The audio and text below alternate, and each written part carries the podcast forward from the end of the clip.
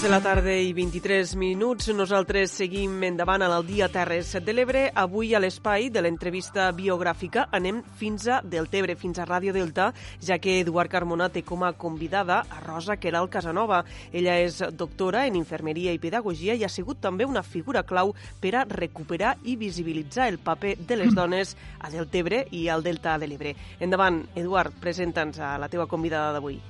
Rosa Queral és tot això que has dit i molt més. Una dona tremendament activa i inquieta que ha treballat molt i treballa encara, fins i tot ara que està jubilada, i que ha tocat i toca moltes tecles diferents, des de qüestions de gènere, i és que ella és un referent del feminisme a les comarques tarragonines, fins a temes culturals o educatius.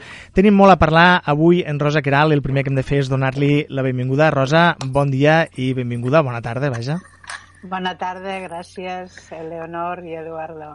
Avui, avui és un plaer tindre't aquí eh, i realment aquesta entrevista una mica en profunditat, una mica per parlar eh, de, tot, eh, de tot allò que fa referència a la teva persona, més en l'àmbit justament personal. Necessitaríem tres o quatre programes per a encabir-ho tot, perquè la veritat és que fas fet i fas i estàs involucrada en moltes coses, no, Rosa? Sí, sempre m'ha agradat tastar ulletes a mi, com diuen. Sempre està en tots els xarcos, com diuen. I per això, vull dir, tinc coses, moltes coses, no?, que fer. Sempre he sigut molt hiperactiva.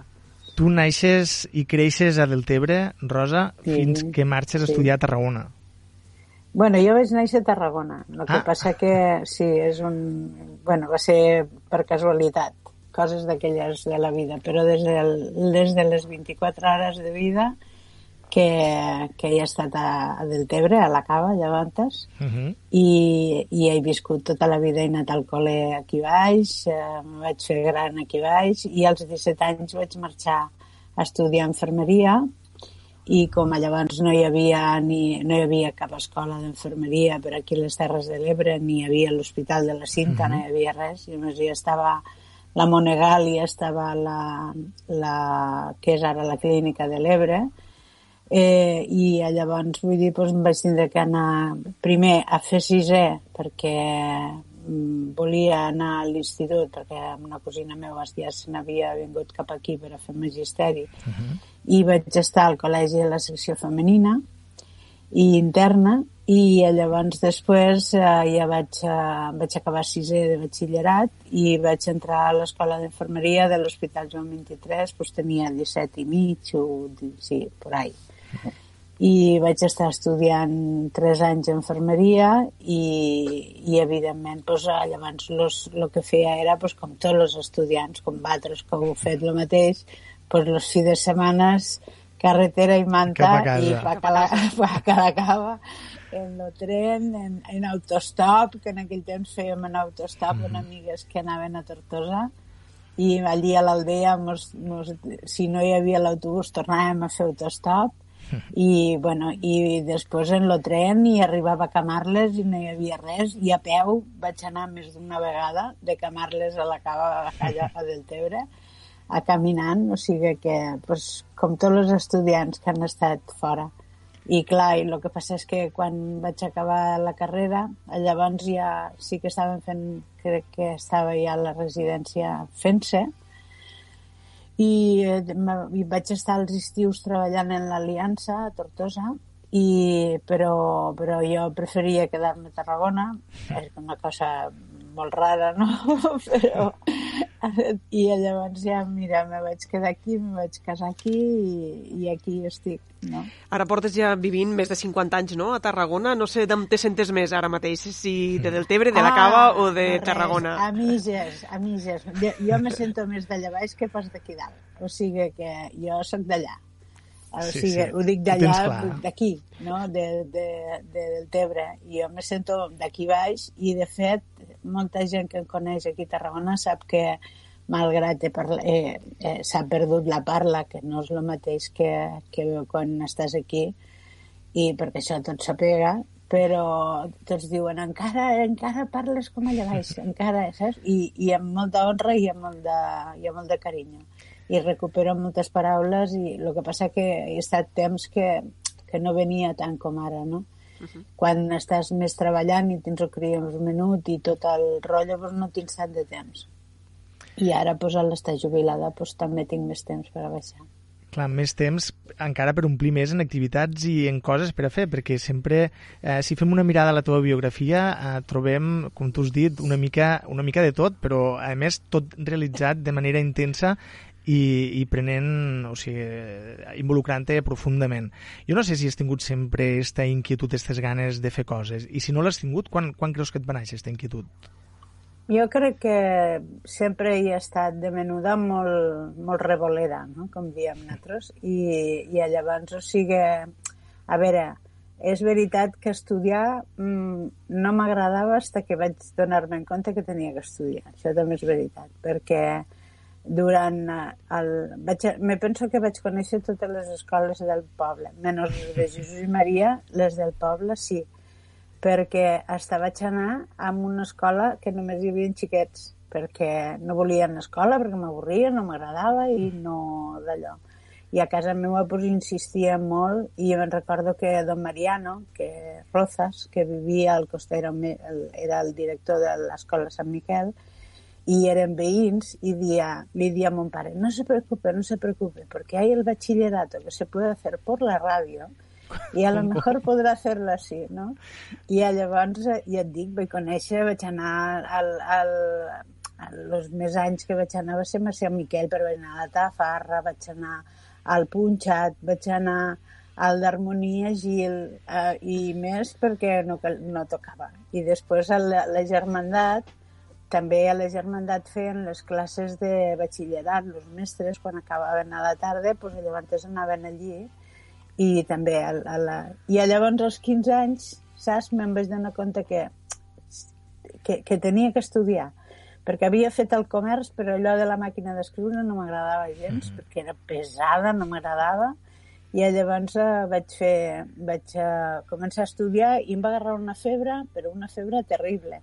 Total, que vaig passar de, de tindre el comerç i poca cosa, i no acabat, a fer el batxillerat en 3 anys, vaig fer elemental i superior en 3 en 34 anys, i, i al sisè ja estava aquí a Tarragona plantada per a, per a connectar. Vaig anar per primera vegada a l'institut, al Martí Franquès, que s'acabava d'inaugurar, i bueno, jo no havia vist mai una classe d'institut, no? Va ser allò un xoque, però bueno, me'n vaig sortir va, va costar una mica, eh? Perquè, ostres, vindre del poble a la ciutat, i entre que no mantenien allí a, a, la, a la residència, ahir li comentava al meu home, hi havia una noia que era de Bossot, de l'Aran, i, i, i ella parlava d'aquella manera fusco, fusco, i jo d'aquella manera oberta, oberta, i al final me n'entenia, li dia, passa'm la granera, i no sabia el que era. I total que, que entre Poal i Granera que no mantenien i tot el rotllo, al final acabaves parlant en castellà. I en acabat dia vaig entrar a, a l'escola d'infermeria, vaig aprovar l'examen i, i bueno, ja vaig a començar a estudiar infermeria. Sobretot el canvi, m'imagino, no?, que, que venies de, de la cava de, de la dècada dels anys 70 a, a Tarragona, però el canvi devia ser abismal. Molt, molt. En la forma de parlar, en la forma d'anar, d'estar de, a l'institut, de els diferents companys que eren de, de totes les classes socials, però sobretot hi havia molta gent d'una classe social que nosaltres al poble no la coneixíem, perquè pues, érem tots, si fa o no fa, tots iguals, no?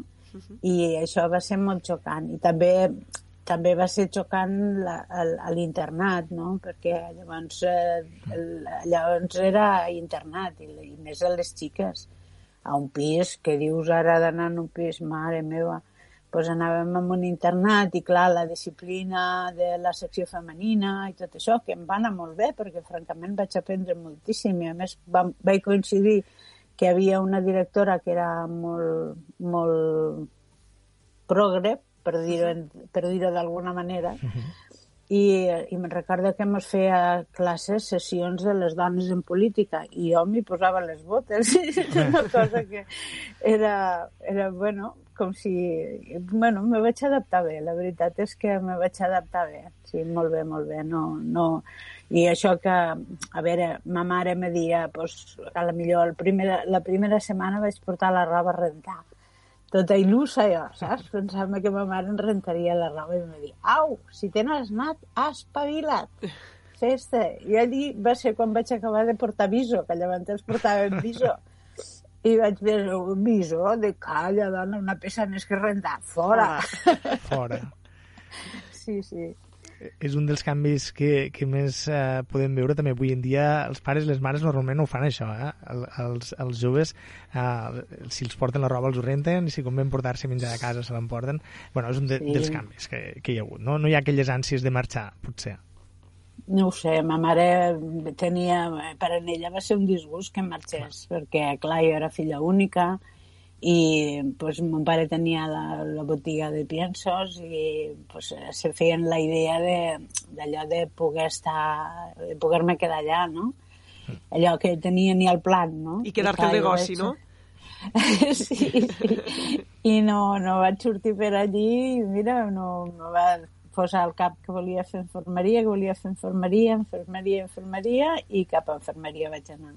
Parlem d'esta formació, d'esta vida a la universitat. Rosa, tu et formes, com dius, en infermeria, però també mm. en pedagogia, disciplines sí. eh, de les quals, a més, acabes exercint eh, la docència fins al 2014, que és eh, l'any que et jubiles. Ara sí. entrarem en detall, si vols, a parlar-ne, però jo voldria saber, més enllà dels coneixements i la formació pròpia de les carreres, quin aprenentatge, quin pòsit personal vas traure de cadascuna d'aquestes dues titulacions? Uf, no veus. Mm, a veure, d'infermeria, evidentment, és la primera, els primers estudis que faig i treballo després a l'Hospital Joan 23. Quan acabo la carrera eh, ja entro en plantilla en seguida i, i, bueno, i clar, tota la meva vida vaig estar en llocs de treball no fàcils. Eh? Mm -hmm. Vull dir, vaig estar a medicina interna, vaig estar a, a cirurgia, vaig estar a pediatria i finalment vaig acabar a urgències.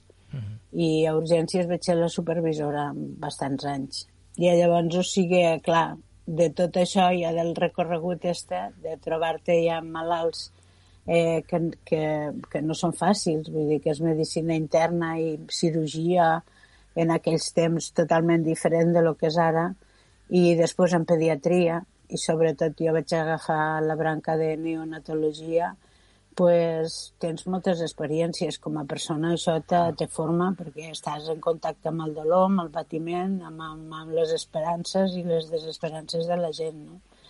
Després vaig estar a urgències i a urgències pues, eh, és lo immediat, és la rapidesa, és el, la resolució, i també vaig aprendre moltíssim, moltíssim. A més a més va coincidir amb una època en què tots érem molt joves, tant els metges com les infermeres, i allò va ser no solament un creixement a nivell eh, professional, sinó també personal, perquè vull dir, érem com una gran família érem tots joves, anàvem a totes les festes que hi havia pel voltant de Tarragona i aquí baix i a Antefosses, vull dir que va ser molt bonic, una època molt bonica. I llavors va passar que, que, bueno, que dins esta, quan vaig acabar la gestió, que, que, bueno, que també tenia la possibilitat de, de quedar-me a l'hospital amb un càrrec més alt de gestió, i, però ja sempre m'havia agradat la docència i sobretot l'àmbit de salut pública que jo quan mm. estudiàvem no se li donava tanta importància i era el que me faltava, diríem, per a... Hi havia dues coses que quedaven fluixes, la, la salut pública i la psiquiatria. I després, eh, bueno, vaig decidir que volia fer salut pública i em volia dedicar a la docència. I aquí va ser quan el vaig a començar a fer docència, me'n vaig donar compte de que me faltava, que me faltava mètode, que me faltava didàctica.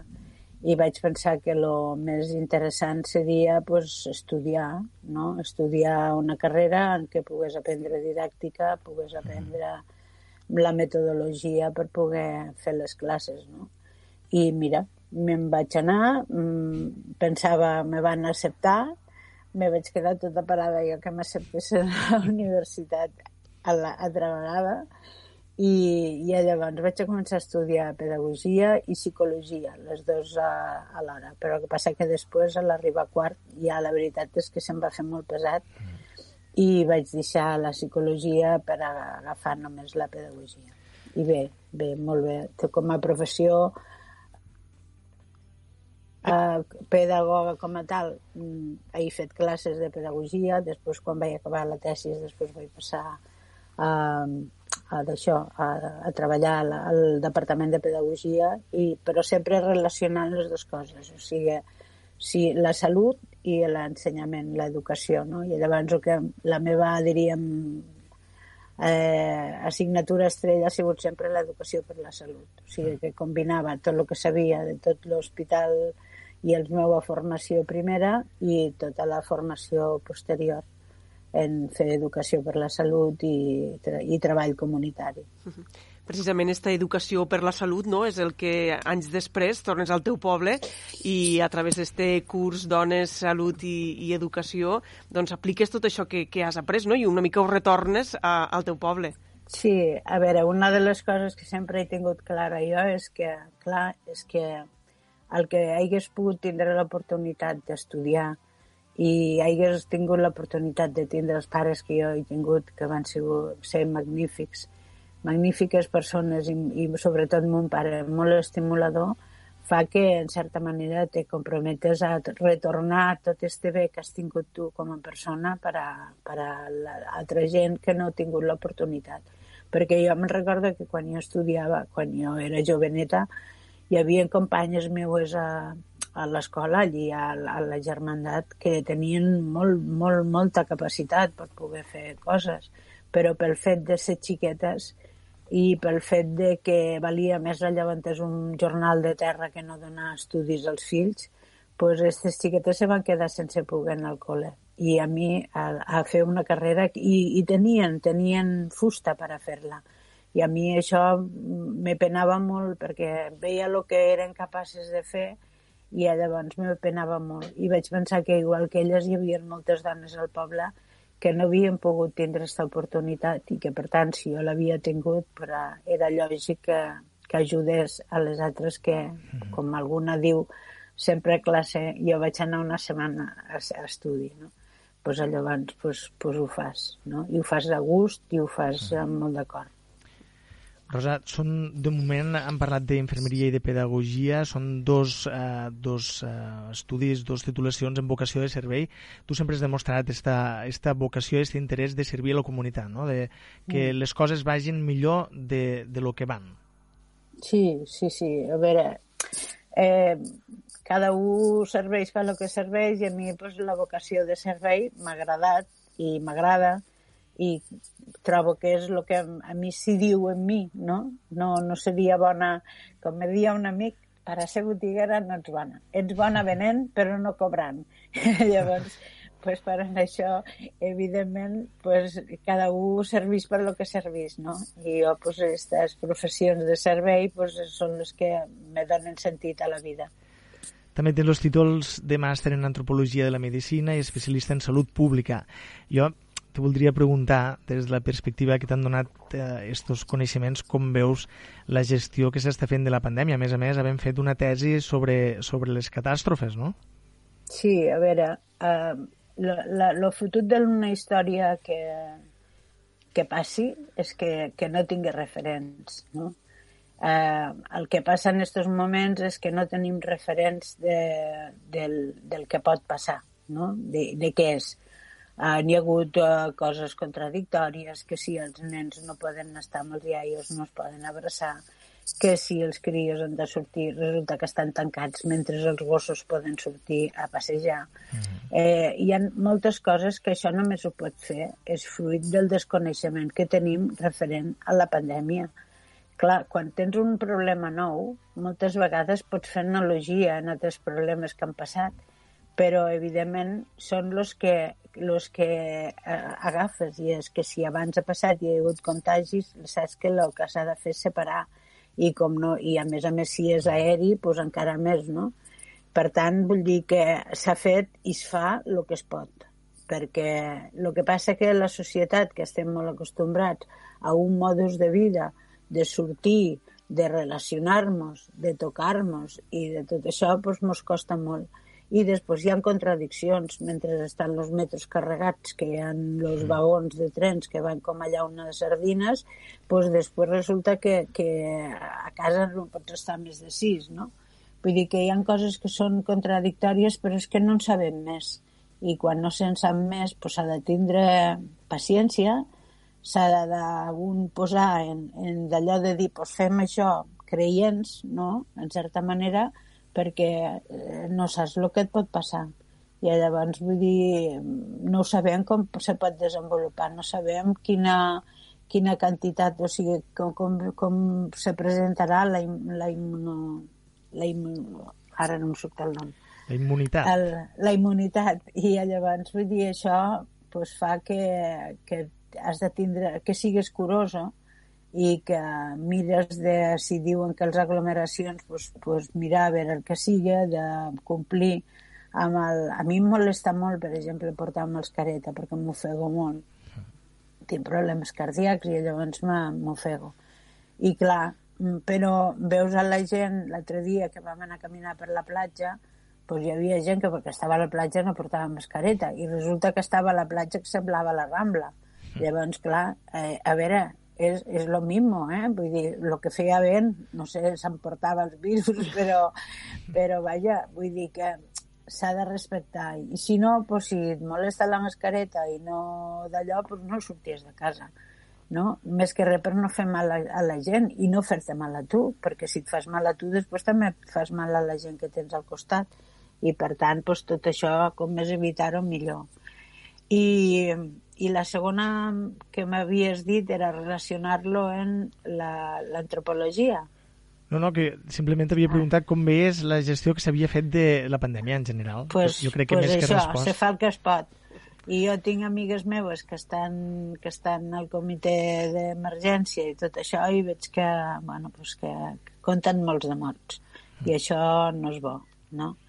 I és el, el, quan una cosa és desconeguda has d'anar a fer analogia amb el que has vist passat i la, la gran grip del 18 i llavors vull dir que en fi, que has de fer el que, el que pugues. I els que en saben més pues, diuen les normes que es poden equivocar, pues sí. Pues, que pot ser menys, sí. Que portarà això problemes econòmics, sí. Eh, però és que no sabem res més no? Rosa, una altra, una altra de les teues grans passions, vaja, un altre dels capítols, dels aspectes de la teva vida als quals has dedicat eh, més temps i més intriga, és tot allò relacionat amb el feminisme. Tu ets cofundadora del Moviment de Dones de Tarragona, un, mm. un moviment fundat l'any 75, de, també del, floc, del Bloc Feminista de Tarragona, fundat l'any 77, i al 2010 fundes aquí del Tebre eh, l'Associació de Dones Agents, Agents de Salut ADAS. Com arribes a convertir-te en un referent del moviment feminista, almenys a les comarques de Tarragona? En quan naix això? En quin moment? Mira, eh, això naix eh, als anys 70, quan, quan se comencen a fer los primers, los primers, eh, les primeres reunions per a fer el, les primeres jornades catalanes de la dona. Jo llavors militava al PSUC, i, i llavors eh, des de la direcció se'ns va dir que qui volia participar amb l'organització d'aquest event. I clar, bueno, doncs vam a començar a obrir aquesta idea de les tres militants del SUC que ens vam encarregar a més gent d'altres partits que clandestins en aquell temps, evidentment. Vam fer la primera reunió, em recordo, a la iglesia de Sant Salvador, que és un barri d'aquí a Tarragona, i allí vam, jo me'n recordo que vaig quedar encarregada de llegir L'origen de la família i la propietat privada de Federico Ostres. Engels i allí va ser quan de cop i volta, saps, se m'obren els ulls i dic, ostres, però què és això, no? Però si té raó aquest home, no? I clar, i llavors va ser començar a parlar-ho i començar a donar-me un compte a parlar, no? a verbalitzar totes aquelles coses que no s'havien sentit que va, de què, no? Jo ja et dic que jo coneixia molt bé la secció femenina perquè havia estat al, al col·legi de la secció femenina i llavors és que era una al·lucina. Uh, D'allí vam fer el, el, per a, la, per a la, les ponències de, de, la, de les jornades catalanes de la dona va que, van quedar en que jo me n'encarregaria de, de la dona i sexualitat.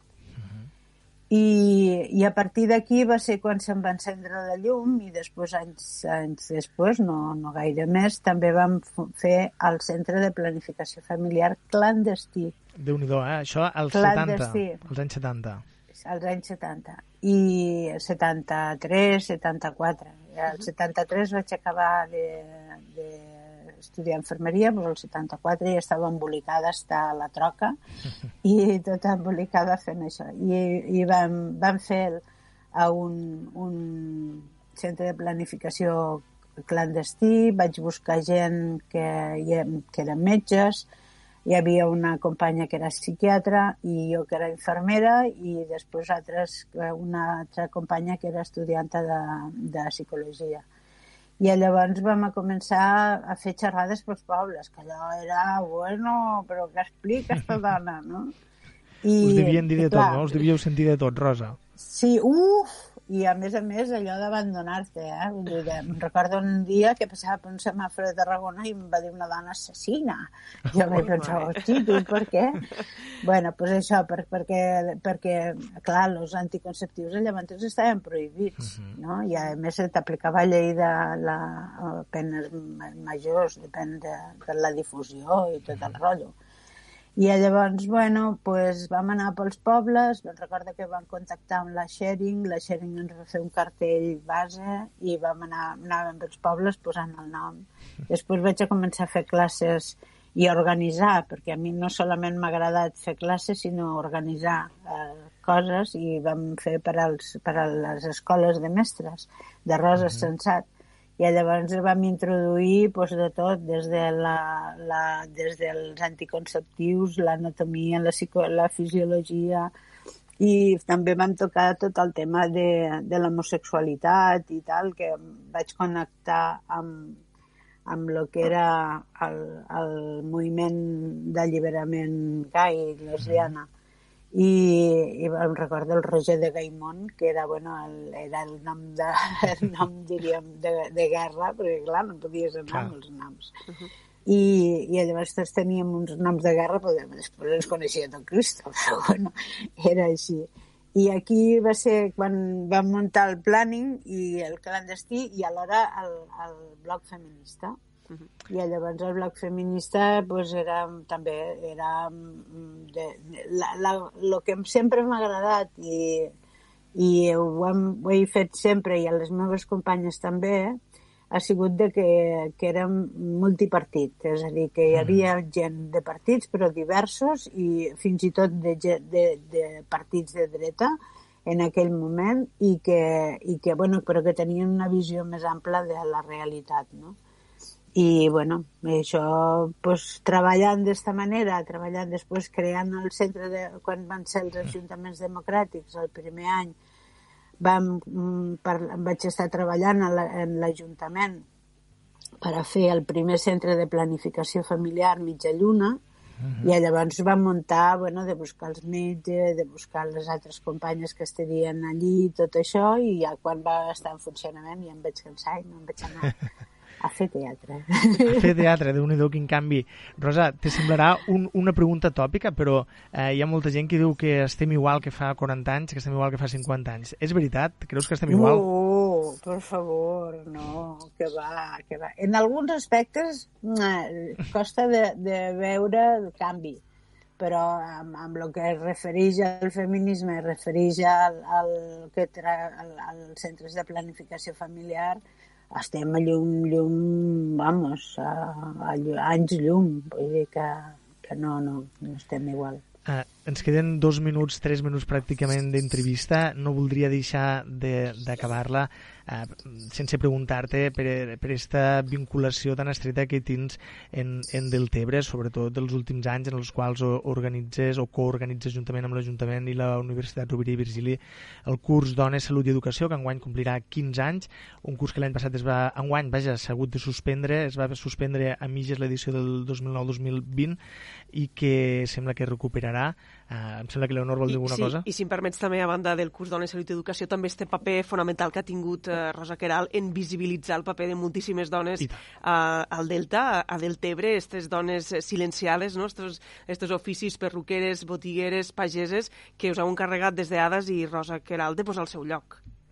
Sí, sí, sí, és veritat. Vull dir, és, és, és el que t'he dit abans, vull dir, quan tu veus de que tu has estudiat i has tingut aquesta possibilitat de fer-ho, però que hi ha moltes dones que han estat contribuint al desenvolupament del nostre poble i que queden silenciades i per tant sembla, se posen, mira, només cal mirar els carrers, no? Els metges tots tenen carrer però les llevadores no, no? I tots han nascut en la llevadora. Eh? Pues això, aquestes, les diferències fa que això que, te, que et dediques. Uh -huh. I amb el curs pues, tornarem, si són 15 anys, jo la veritat és que quan vaig a començar el curs eh, el primer no hi havia quasi, no hi havia ningú del poble, ningú, ningú, ningú. I llavors hi van canviar el nom perquè sigués més atractiu i, i la veritat és que eh, sobretot em va vindre en un moment en què jo estava molt, molt enyorada perquè mon pare va morir el 2005 i llavors va ser quan... I ell sempre em dia, torna a casa, torna a casa. Torna a casa i ensenyes el que saps. Ensenyes el que saps, pobre.